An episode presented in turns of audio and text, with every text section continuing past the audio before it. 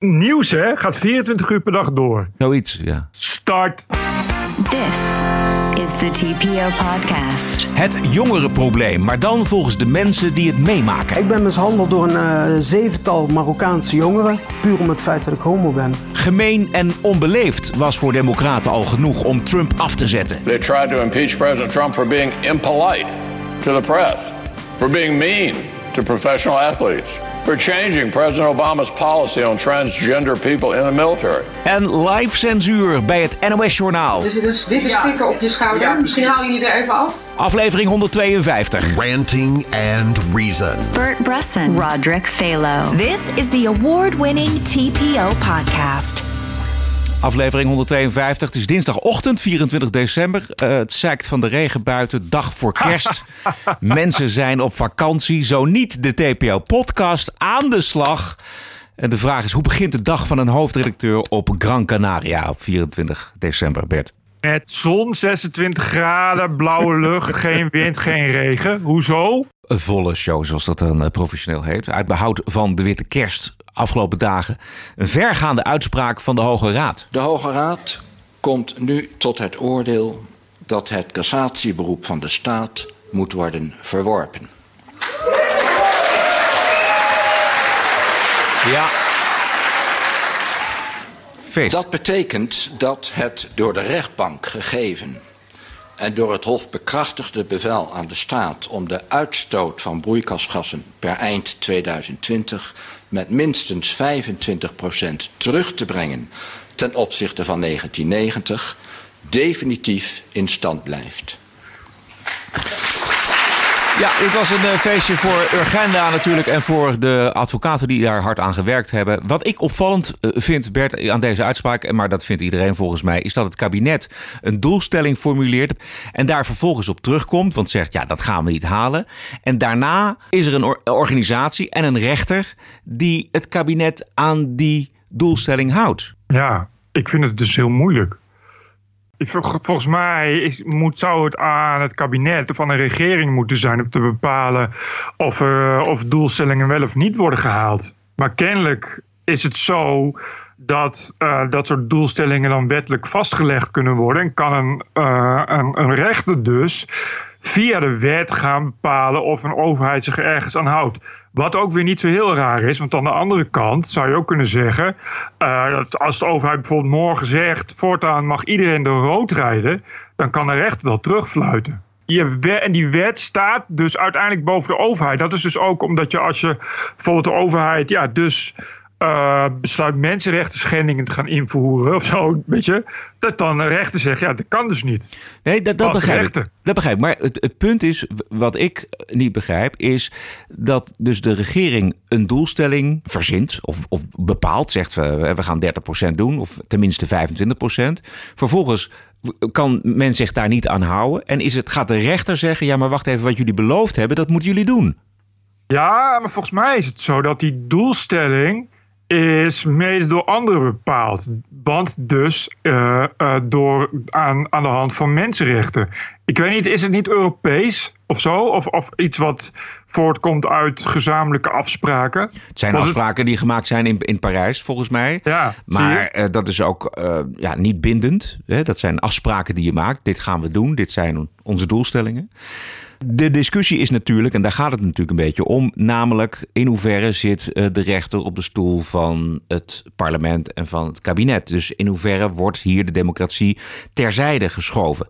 Dit is wat Ja, de rechter er in 2015 zelf over zei. Bij velen zal de vraag opkomen of deze kwestie wel geschikt is om te worden beslist door de niet gekozen rechter. De staat stelt dat het hier in wezen om een politieke kwestie gaat die in deze vorm niet in de rechtszaal thuis hoort. De rechtbank overweegt hierover als volgt. De rechter biedt rechtsbescherming en beslist in rechtsgeschillen. Hij moet dit ook doen als dat van hem wordt gevraagd. Het is een wezenlijk kenmerk van de rechtsstaat dat ook het handelen van zelfstandig democratisch gelegitimeerde en gecontroleerde politieke organen kan en soms zelfs moet worden beoordeeld door de onafhankelijke rechter. Kabinet De rechter treedt daarbij niet in het politieke domein met de daarbij behorende afwegingen en keuzen. Hij moet zich los van iedere politieke agenda beperken tot zijn domein, de toepassing van het recht.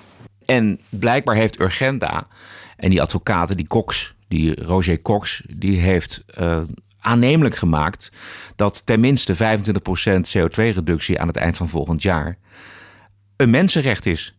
Juist. Maar, maar dat komt, kijk, die, en die afspraak is destijds daarop, daarop gebaseerd. Waarom, ga, want, waarom gaan we die doelstelling überhaupt invoeren? Ja, want mensenrechten. Ja. Dus kun je daarna, als, als die doelstelling niet wordt gehaald, kun je ook zeggen, ja, maar dan is het een schending van mensenrechten. Ja. En dat, dat is volgens mij het geval. Ik, ik vind het ook het is, ik vind het ook ingewikkeld. Ik neem aan dat dit uh, de komende 300 jaar nog uh, voer blijft voor uh, rechtsfilosofen en rechtsgeleerden. Ja, dat denk ik ook, ja. Het is natuurlijk een unieke uitspraak. Maar het, het, voelt wel alsof de rechter op de stoel van de overheid gaat zitten. Maar tegelijkertijd voel je ook wel dat... je kan het daar niet mee eens. Ik ben het ook niet mee eens. Ik vind het een beetje onzin om dit aan, aan mensenrechten te koppelen. Maar dat is voor die rechter natuurlijk geen beletsel. Als het voor die rechter zo is dat het een mensenrechtsschending is, kan hij daar wat van zeggen. Ja, precies. Uh, ik heb eens gekeken naar de pleitnota van deze Roger Cox, die Limburgse advocaat die hier uh, fanatiek achter zit. En in zijn pleitnota uit 2011 heeft Cox het wel over het falen van de democratie. Hij schrijft: We moeten de democratie onder curatele stellen de democratie met, ah, met zijn debat, met zijn publieke opinie, met zijn verkiezingen. Dat is onvoldoende. Sterker nog, dat is een gevaar voor de, mensenrechten. Hè, namelijk 25% uh, CO2-reductie, want klimaat, want overleven. En omdat dat zo'n belangrijke zaak is, moeten we dus functioneert de democratie niet op de juiste wijze en moeten we de democratie, als dat nodig is, maar eventjes onder curatele stellen. Ja, totale kwats natuurlijk. Maar goed, dat zeggen er veel meer. Maar dit is dus de redenering. Dit heeft hij eh, linksom of rechtsom wel eh, aan het verstand gebracht van de rechter die in eerste en in eh, hoger beroep dus hem gelijk geeft. Nee, dat weet ik niet. De rechter zegt niet dat we de democratie onder curatele moeten stellen. De, hij gebruikt dus zijn betoog dat volgens hem de democratie niet werkt. En, kijk, en de rechter kijkt alleen maar of, uh, of er inderdaad mensenrechten worden geschonden. Waarvan die rechter zegt dit klopt. Maar dat is wat anders dan dat dus de, de democratie in de curatele moeten worden, worden uh, gesteld. Dit is verder allemaal, allemaal bijzaak van die advocaat. Uh, en, het betekent niet, en het betekent niet dat de rechter dat dan als argument aanneemt. De rechter baseert zich bovendien niet op de advocaat, maar op deskundigen. Die zeggen van ja, dit is een mensenrechtenschending. Het is wel erg dat advocaten dat denken. En hij is niet de enige. Er zijn ook, uh, uh, het zijn ook meer invloedrijke organen die zeggen. Uh, ik, ik, las, even kijken, zaterdag in de column van Martin Sommer in de Volkskrant. Ja. Een goede column, zoals elke week. Daarom was het ook weer trending trending topic op Twitter. Dan is iedereen boos. Uh, dat er zo'n rechtsfascistische column in de linkse Volkskrant staat. Uh, en die, die schreef in de bijzin dat er eerder al eens iemand in de Volkskrant, en dat was een, uh, ook een adviesorgaan, adviesorgaan van milieu, geloof ik, zoiets. Dat had ook al gezegd van het is of, of het moet beter of het is of dan maar dictatuur. Dat heb ik teruggezocht. En dat heeft inderdaad een paar maanden geleden iemand dus ook al zo gezegd. Ja. Die zei van ja, de, de, de, de overheid moet meer doen. Anders moeten we maar overschakelen naar een dictatuur. Want er is geen andere optie. Dat is doodeng.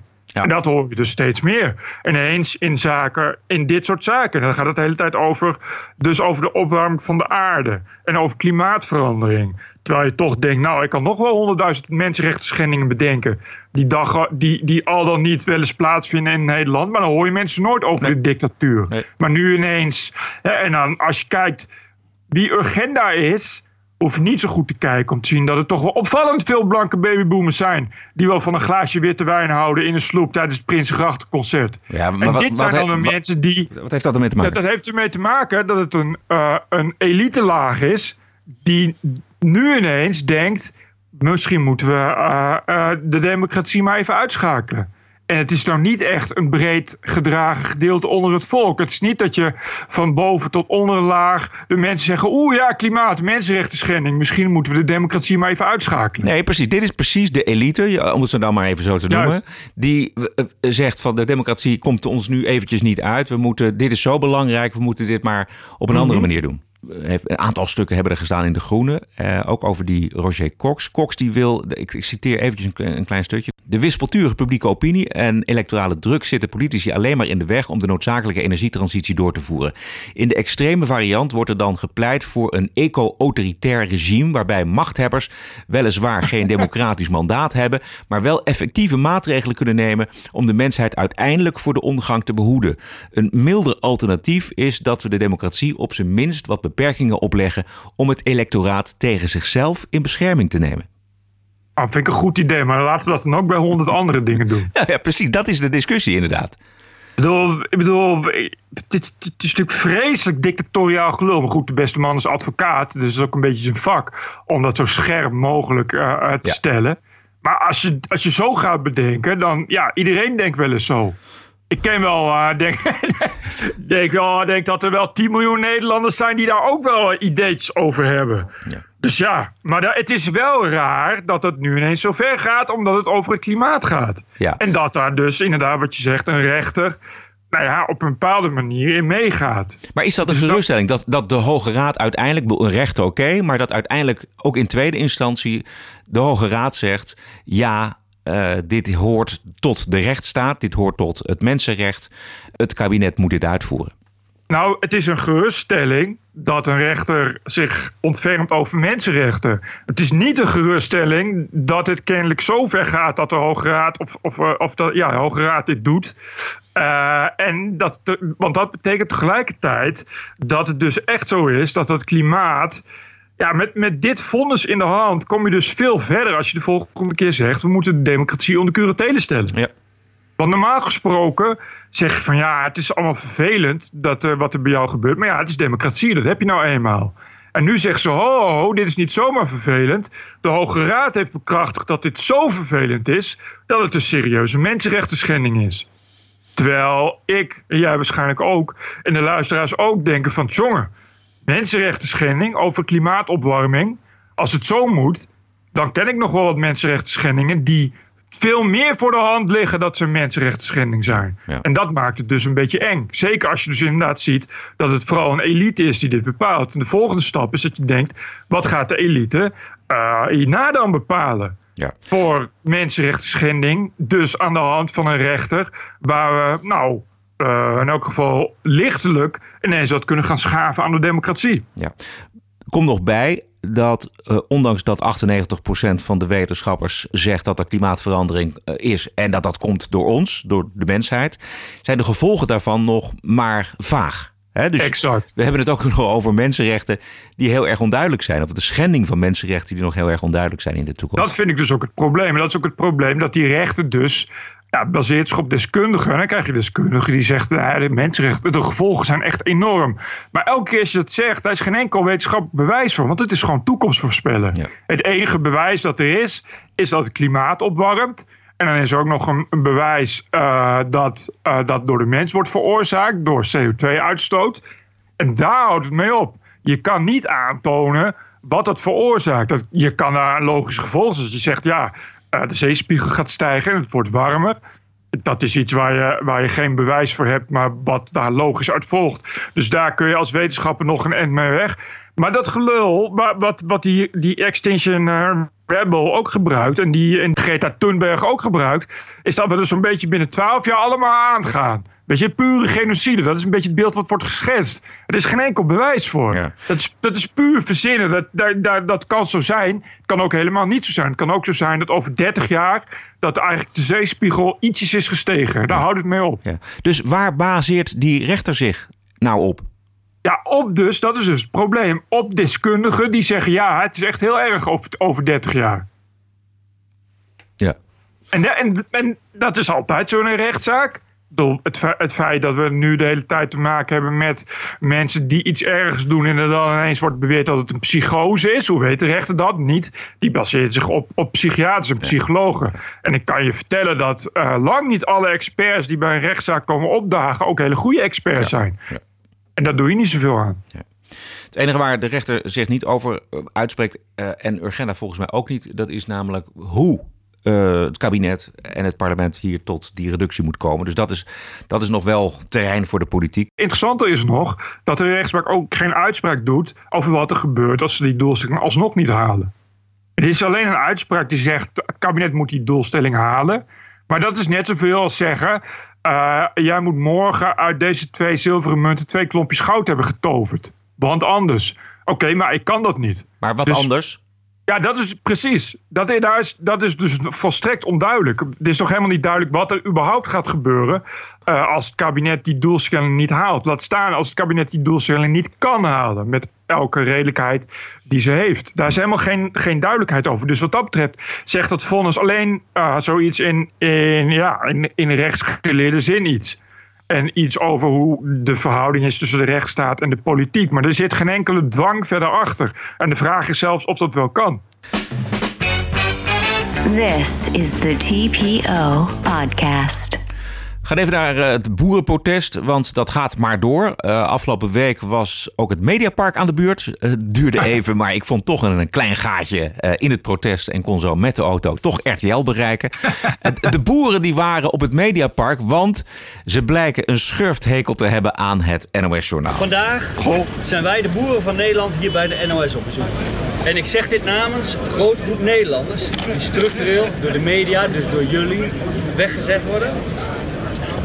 Als milieuvervuilers, subsidieprofiteurs, overbodig en nutteloos.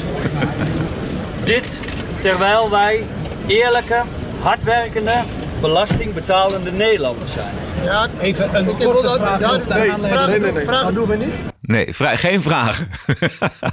dat was niet zo sterk van de boeren. Hè, dus een verklaring afgeven en dan vervolgens eh, allemaal journalisten eromheen en, en die stelden een vraag. Nee, geen vragen.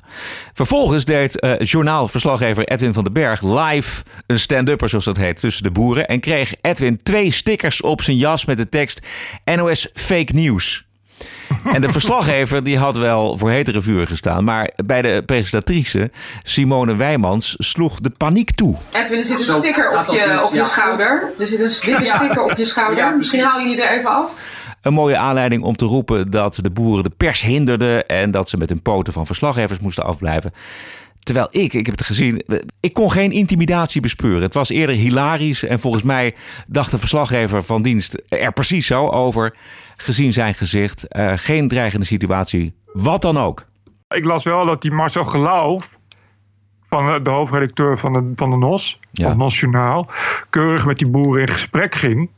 En toen zeiden de boeren eh, dat ze vonden dat het NOS Journaal eh, toch wel kwetsend had gedaan over die uitspraak over de holocaustvergelijking van die baas van Farmers Defence Force. En toen zei Marcel Geloof tegen de boeren dat dat ook wel een kwetsende uitspraak was. Want let op, Marcel Geloof kende mensen die daarom moesten huilen. Vond ik heel grappig. Ja. Ik dacht toch van ja, ik weet gewoon niet eh, wat, wat erger is. Die boze boeren, die misschien toch wel een puntje hebben. Bovendien zijn ze nou niet bepaald de enige in Nederland die vinden dat de NOS fake nieuws produceert. Of Marcel Geloof, die dat komt goed praat door te zeggen ja, maar dat is dan ook heel erg. Want ik ken mensen die daarvan moesten huilen. Ik denk wel een beetje dat die boeren een puntje hebben. Ik denk inderdaad dat het nationaal eh, niet zo heel goed is in objectief verslag doen. En ik denk dat dat al een tijdje aan de gang is. Dat het langzaamaan steeds erger wordt. Kijk, het zijn vooral dit soort hele domme uitspraken van de Farmers Defence Force die het nieuws halen, die breed worden uitgemeten. En dat, Ja. ik kan me voorstellen dat, dat boeren daarvan balen, omdat het hen natuurlijk gaat om hele andere zaken. Eh, die uitspraak van die Farmers Defence Force, dat was, dat was ook echt een inkoppertje voor iedereen die genoeg heeft van het boerenprotest. Partij van de Arbeid die verzocht het kabinet om eh, niet langer te onderhandelen met mensen of organisaties die op een dergelijke manier de holocaust en de jodenvervolging relativeerden. En de leider van de Partij van de Arbeid in de Tweede Kamer, Lodewijk Asscher, die tweette dat hun voorstel van de Partij van de Arbeid dus was aangenomen. Maar wat de tweet van Asscher dan weer onsmakelijk maakte, was dat hij uh, er met een aantal op uitroeptekens bijschreef dat de PVV en Forum voor Democratie hier tegen hadden gestemd. En zonder context lijkt het dus alsof de PVV en Forum het geen enkel probleem vinden dat de holocaust gerelativeerd wordt. Kijk, zo'n boer die zo'n uitspraak doet, het is gewoon een lompe uitspraak. Maar ja, elke dag worden er 100 miljard lompe uitspraken gedaan.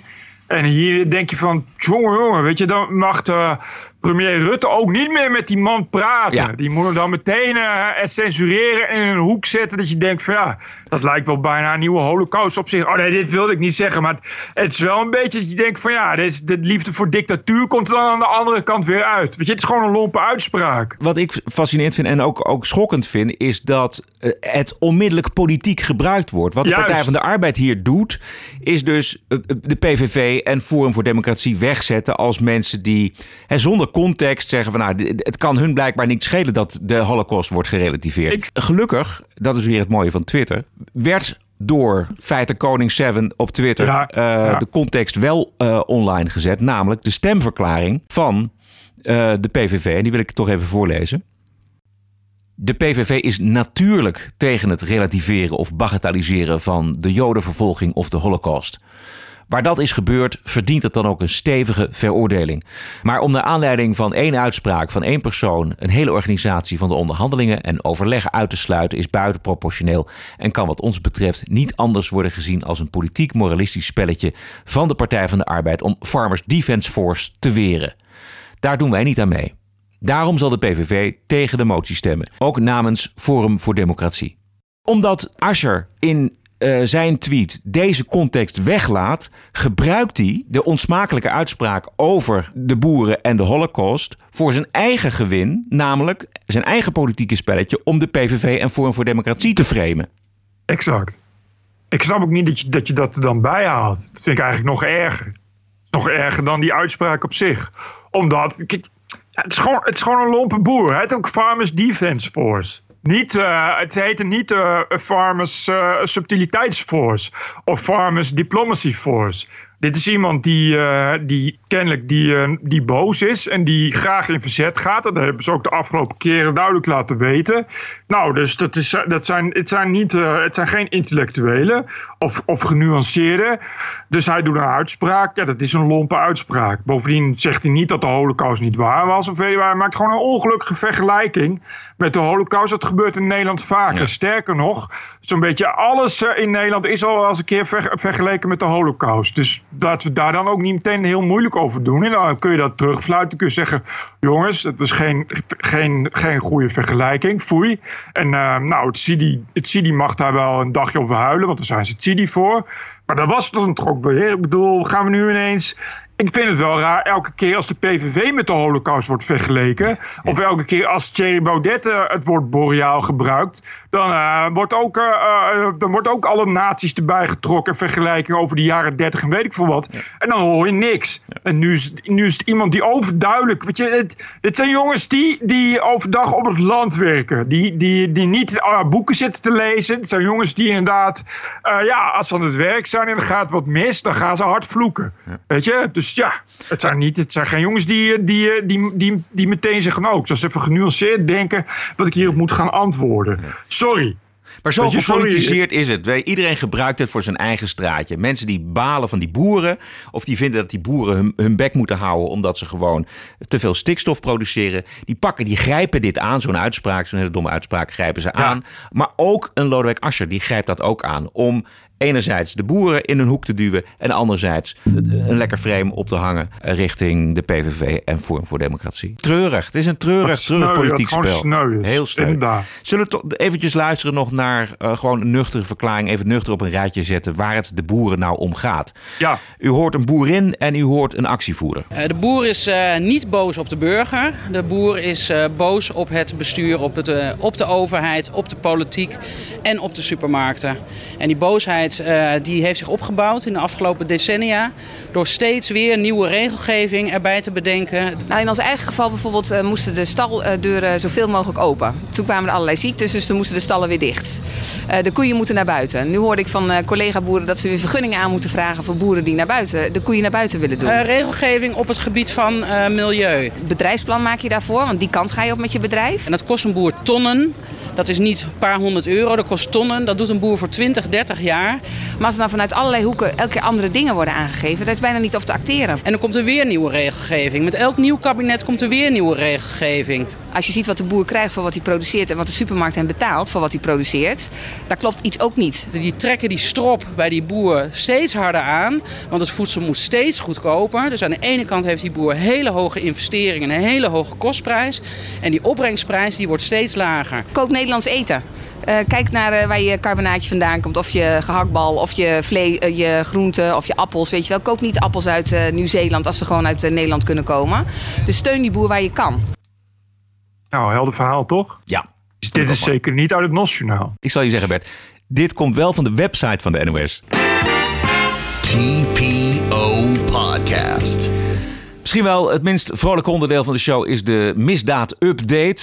Um, uh, toch gaan we er nog eventjes mee door. We gaan uh, zeker niet alles noemen, maar vannacht hoorde ik een politiehelikopter boven mijn hoofd. Uh, vannacht is er met geweld een hotel in Amsterdam-Zuid overvallen. Serieus? In Amstelveen is er vrijdag een explosief bij een pinautomaat aangetroffen. Het grootste drama bij een pinautomaat speelde zich natuurlijk af in Hoofddorp. Daar werd een man van 64 tijdens het pinnen doodgestoken. Zijn vrouw zat te wachten in de auto. Hij zou deze dagen met pensioen gaan. Er was een afscheidsfeestje gepland. Hoeft niet meer, omdat twee jongens van rond de 16 jaar te lui, te dom, te slecht opgevoed, te weinig gecorrigeerd en te weinig gewaarschuwd zijn om op een normale manier hun zakgeld te verdienen. Nog te stom en te verwend voor een krantenwijk of vakken vullen bij de Aldi. Eén tuig is aangehouden, het tweede tuig is nog zoek. Ja, het is heel vreselijk wat, uh, wat hier gisteravond gebeurd is. En dan hoor je eerst van er is iemand neergestoken. En dan denk je wat, wat, wat naar. Maar later hoor je dat ook echt iemand dood is. En dat, ja, dat, is, dat is heel erg. Nou, ik vind dat niet normaal. Waar gaat deze wereld naartoe?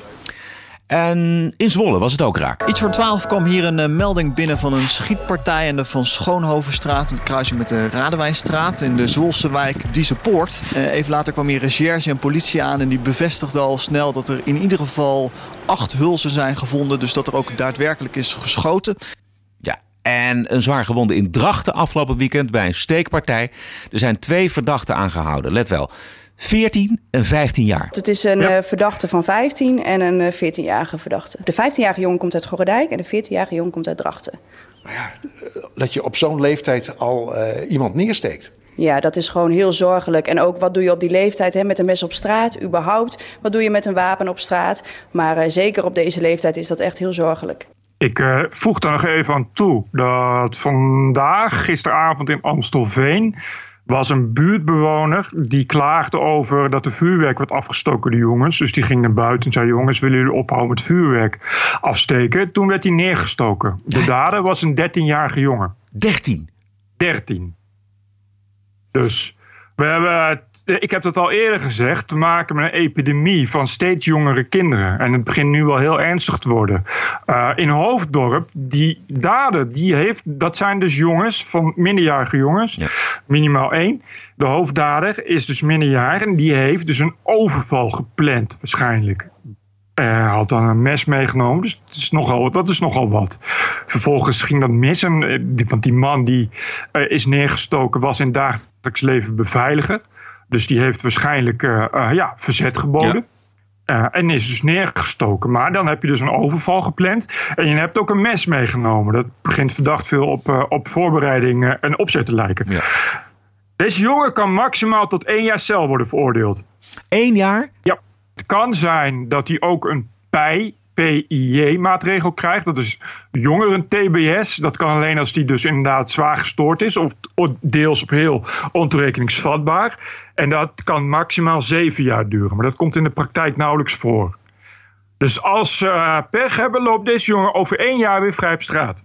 Ja. Ik zeg het er maar vast Ja. even bij. Ja. Dat je weet wat er aan de hand is in Nederland. Dat betekent dus dat je iemand hebt die gewoon ging pinnen. Nog nooit in zijn leven een vlieg heeft kwaad gedaan. Sterker nog, als beveiliger heeft er gewerkt. Dus een hoop kwaad heeft voorkomen. Gewoon wil gaan pinnen. En gewoon de rest van zijn leven van zijn pensioen uitzetten. En nooit meer thuis komt. Omdat iemand die minderjarig is, denkt dat het belangrijker is om een paar tientjes weg te grissen dan iemands leven. En die persoon kun je over een jaar gewoon weer tegenkomen bij exact dezelfde pinautomaat. Dat is hoe we er in Nederland voor staan.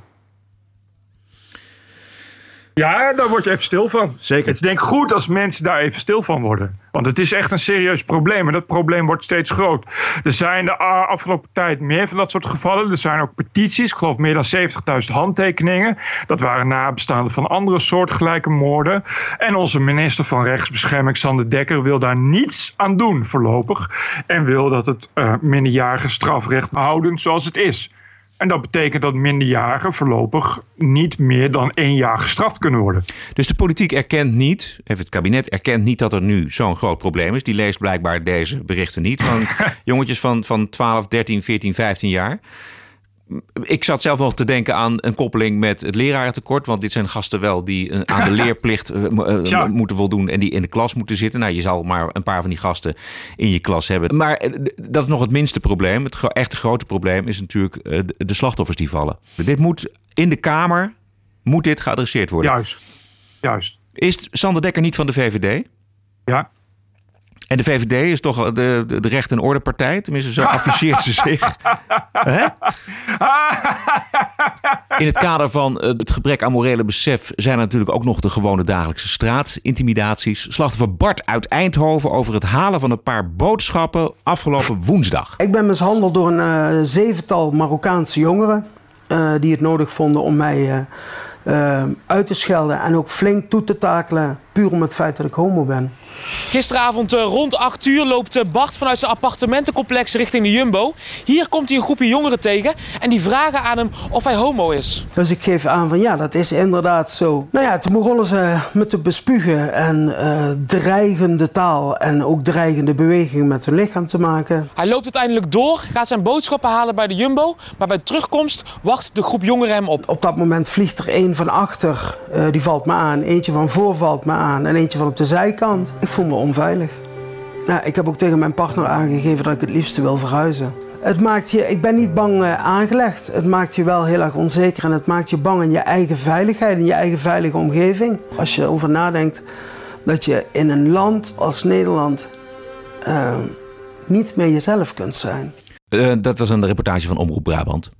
Ja, hij zei in Marokkanen. Ja, dat zei hij. Gisteren schreef Hij- NRC Handelsblad er ook over. Eh, En dat de politie op zoek is naar twee jongens van 12 en 14 jaar. Oh. En, en hij spreekt gewoon van Marokkanen. En NRC Handelsblad eh, niet. Eh, zij Nee. spraken van een jongen met kort krullend haar. En de andere had halflang donker haar. Beide zwarte jassen.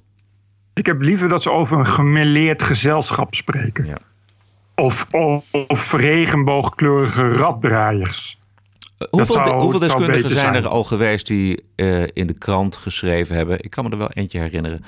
Dat het wel degelijk eh, een, ook een, een, een cultureel probleem is. Dit. Eh, Heel veel. Ja. Zelfs in NSC. Ja. Is dat was vroeger, nu, nu iets minder. Vroeger was NSC nog een liberale cou- courant. Dus ik kan me herinneren dat er iets van eh, meer, dan, meer dan 25 jaar geleden was er, eh, waren er al problemen in het beruchte Rotterdamse Tropicana zwemparadijs. Met jongeren. En toen schreven ze in NSC gewoon mis- deskundigen die zeiden van nou, het zijn wel eh, gewoon eh, jongeren uit een bepaalde cultuur. Ja, Dus Wacht even, ik haal, ik haal even wat. Wacht even. Ik heb, Yes. hier, eh, ik heb hier een stuk uit de Volkskrant. woensdag 17 juni 2009. Van Hans Wert Mulder. Eh, dat is de man die het boek schreef Marokkaanse Lievertjes in 2005. En eh, hij zegt: cultuur speelt wel een rol in Marokkaanse misdaad. Mede doordat Marokkaanse jongeren veel meer dan bijvoorbeeld Turkse jongeren in contact staan met de Nederlandse samenleving, zijn wij dagelijks getuigen van veel culturele botsingen die zich onder meer uiten in agressief gedrag en criminaliteit. Dit gedrag is doordezemd van Marokkaanse culturele patro- patronen. De hoge criminaliteit onder Marokkaanse jongeren is de negatieve uitkomst van het samenspel van sociale, culturele en individuele factoren. Angst voor stigmatisering is de belangrijkste oorzaak van bestuurlijke onmacht. Maar dit is een artikel uit? Dit is een artikel uit 2009. Van, Tien jaar oud. Dat is een artikel van Hans Wertmulder. En die heeft daar eh, eerder een studie over gemaakt. eh, Marokkaanse lievertjes. En dat kwam bij 2005. En het probleem is nog steeds niet opgelost. Nee, eh, maar eh, we hebben al. eh, ik weet dat we destijds ook nog ophef was. Dat ene Fleur Jurgens het boek Het Marokkanen-drama geschreven. eh, met precies hetzelfde verhaal. En er zijn nog een hele reeks van boeken. inderdaad ook deskundigen. Ik weet dat zelfs. uiteindelijk durfde de regering het aan om iets van 13 of 14 steden in Nederland Marokkanensteden te noemen. Omdat het eh, te veel problemen waren met Marokkaanse jongeren. Dus dat speelt al heel erg lang. Ja. Dus ja, al 25 jaar of zo is dat ook al, is dat al bekend. Maar het, het, het- die zin van hè, de, de angst om te stigmatiseren zorgt Yep. voor de onmacht om er iets aan het, aan het probleem te doen. Dat is, dat, die, angst voor stigmatiseren is er volledig, is weer volledig terug. Is nooit weg geweest. We hebben mensen in deze podcast gehoord die uit die pilotenbuurt kwamen en die ook Precies. zeiden van ik wil niet discrimineren, maar het zijn die en die jongens. Ja. Eh, dat is, mensen ver- verontschuldigen zich voortdurend. Eh, nogmaals, ja, het heeft helemaal niks met alle Marokkanen te maken. Maar dat er een, een probleem is met een, een grote groep Marokkaanse jongeren, dat is volgens mij evident. En dat maakt iedereen mee. Bart maakte dat mee in Eindhoven. Oké, dan is er ook nog eh, wel weer wat gedoneerd, Bert, volgens mij. TPO Podcast. Ehm, Heb jij? Want anders ja, ik heb, even opstarten. ja, je mag start maar wat op, want dan lees ik in ieder geval eentje voor Robbie Yes. Joosten. Die heeft gedoneerd en een briefje achtergelaten bij ons. Ehm Robbie die, ze- die schrijft: Beste Bert en Roderick, ik geniet wekelijks van jullie podcast. Echt een ander kritisch geluid, waarbij je nog eens iets nieuws hoort. Ik luister meestal naar jullie tijdens het koken of het wandelen. Lees Pokémon vangen. En dat maakt de activiteit een stuk leuker. Jullie zijn een goed team. Keep up the good work. Met vriendelijke groeten Robbie Joosten PS. Ik doneerde net 200 euro. En dat mag gemeld worden in de podcast als jullie tijd hebben. Nou, daar maken we tijd voor, eh Robbie. Dankjewel. Geweldig. Bert, had jij nog wat? Ramon Brouwers. Eh enige tijd luister ik met veel plezier naar jullie podcast. Daarom heb ik zo vlak voor de feestdagen een donatie gedaan van 50 euro. Eh, even kijken hoor. Dit is een eh, heel, heel verhaal. Bla bla. Eh, goed. Keep up the good work. PS zou het leuk vinden mijn bericht op de podcast te horen. Groeten Ramon, 32 uit Amsterdam. Tussen haakjes. Nog wel, maar daar wil ik weg. Oké. Ramon, dankjewel, jongen. Kemaas. Kemaas. Eh, hallo Bert en Roderick. Ik heb net een kleine donatie gedaan van 25 euro. De podcast is voor mij een vast ritueel op de dinsdag. Even lekker luisteren naar jullie nuchtere benadering van het nieuws en actualiteiten. Ga zo door, heren. Met vriendelijke groet. Niels Marines. Dankjewel Niels. Wilt u ondersteuner worden van de TPO-podcast? Dat kan met ideeën of suggesties. Schrijven kan naar info.tpo.nl. En het kan met een financiële ondersteuning. Waarderen en doneren kan op tpo.nl slash podcast. This is our country. This is CNN breaking news. I believe that the president is literally an existential threat. Stop the hammering out there. Who's got a hammer? Make America great again. New York Times and CNN have also smeared veterans like myself. This video was taken during a heated exchange with an unidentified man who called Cuomo Fredo. Stop the hammering. This is the TPO Podcast. News 630 WMAL Washington. Hoe staat het met de impeachment van president Trump? De aanklachten van de democratische meerderheid in het Huis van Afgevaardigden die moeten nu naar de Senaat. Maar de onbetwiste leider van de Democraten, Nancy Pelosi, die weigert dat tot nu toe. En waarom weigert ze dat? when we bring the bill, which is just so you know, there's a bill made in order by the Rules Committee that we can call up at any time in order to send it over to the Senate and to have the provisions in there to pay for the for the impeachment. And then the next step, and the uh, uh, Ja, het, ze heeft het, het een beetje lastig. Eh, Ze zegt eigenlijk, ja. Ze zegt ze gelooft niet dat er op dit moment een eerlijk proces kan plaatsvinden in de, in de Senaat. Maar wat ze bedoelt natuurlijk is dat ze bang is om deze man tegen te komen, de leider van de Republikeinse meerderheid in de Senaat, Mitch McConnell. Let's start with the fact that Washington Democrats made up their minds to impeach President Trump since before he was even inaugurated. Here's a reporter in April of 2016. April of 2016.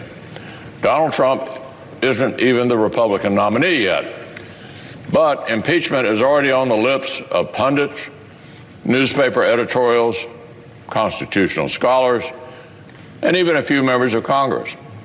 April 2016. On Inauguration Day, 2017, the headline in the Washington Post the campaign to impeach President Trump has begun. That was day one. In April 2017, three months into the presidency, a senior House Democrat said, I'm going to fight every day until he's impeached. That was three months into the administration.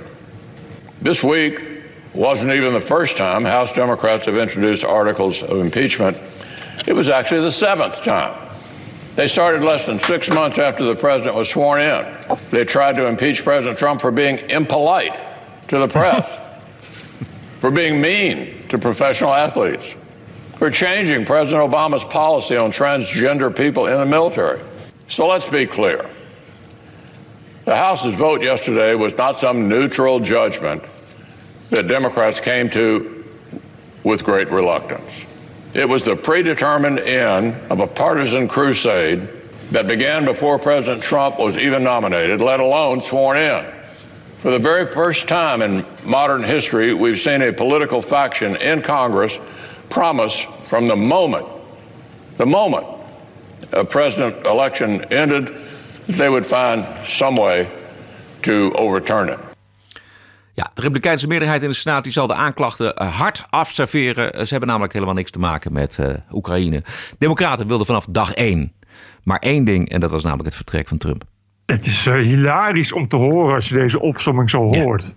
En het geeft ook wel aan hoe enorm het probleem gaat worden om die impeachment ja, gedaan te krijgen. Gaat niet gebeuren, Bert. Want, want dit is natuurlijk wat de Republikeinen allemaal gaan voorleggen hoe uh, biased democraten zijn. En dus inderdaad, ja, hoe, hoe, hoe nu die impeachment uh, ze zo goed uitkomt dat ze dat altijd al hebben gewild. En dat er dus nauwelijks sprake kan zijn van een eerlijk proces of, of een eerlijke reden om iemand te impeachen. Waarom stuurt Pelosi nou niet die aanklachten die, er, die geformuleerd zijn naar de Senaat? Dat is namelijk dat het strandt in de Senaat. En dan als het strandt in de Senaat, dan is het uit het nieuws en dan is het weg. Wat je zegt, dan hebben ze hun wapen is dan weg. Hun wapen is dan uit handen geslagen. Want dit is natuurlijk uh, de allerbeste manier om te kunnen blijven velspuien tijdens de, verkiezingscampagnes. Ik zag op Twitter, eh, volgens mij had jij dat ook nog uh, genoemd, namelijk dat er dat de, de pers, uh, even de Washington Post in dit geval, al aan het vieren was, het impeachment aan het vieren was met een, een vrij gênante foto van een aantal redacteuren. Ja, dat is, dat is heel sneu. Ik, dat is dus wat er gebeurt. Dat, dat, er wordt gewoon openlijk geapplaudiseerd. Uh, en op de schouders geklopt en, uh, feest gevierd. Uh, elke keer als er weer nieuws over impeachment en elke keer als de impeachment weer iets verder is. Zo biased is dus de pers. Gewoon openlijk. Weet je, dus niet eens, ze doen niet eens een poging. Nee. Uh, het gaat slecht aflopen waarschijnlijk voor de Democraten. Dat is de verwachting. Uh, ik zag bij uh, CNN zag ik een oude, voormalige senator van de Democraten, Heidi Heidkamp. En die zegt dat Trump het spel goed speelt. If I have one criticism of how the Democrats have handled this is they have ceded the territory and Mike Bloomberg has stepped into what I think is a very serious void. The Democrats need to not just do town halls.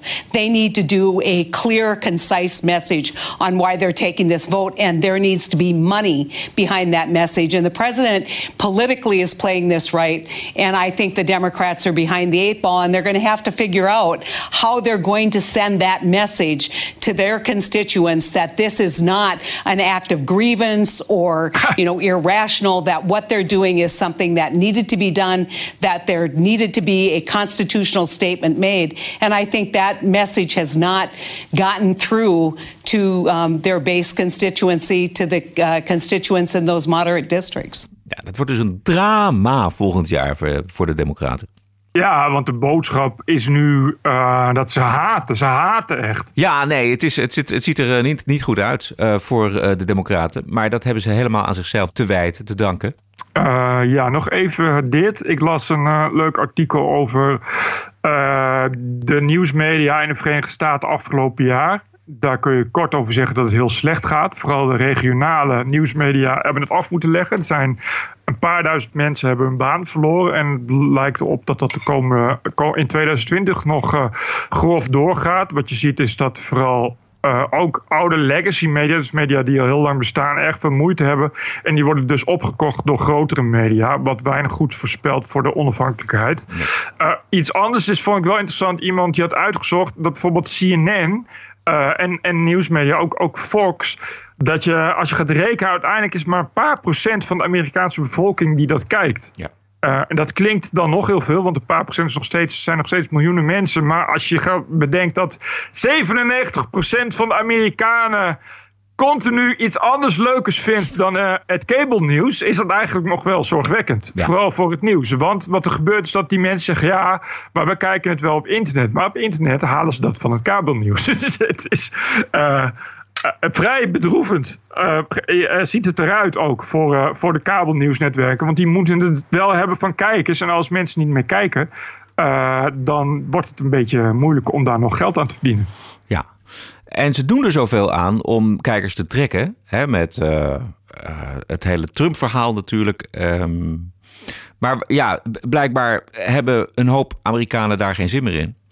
Maar de 97% is dus constant, dus welk moment je ook neemt. Ja.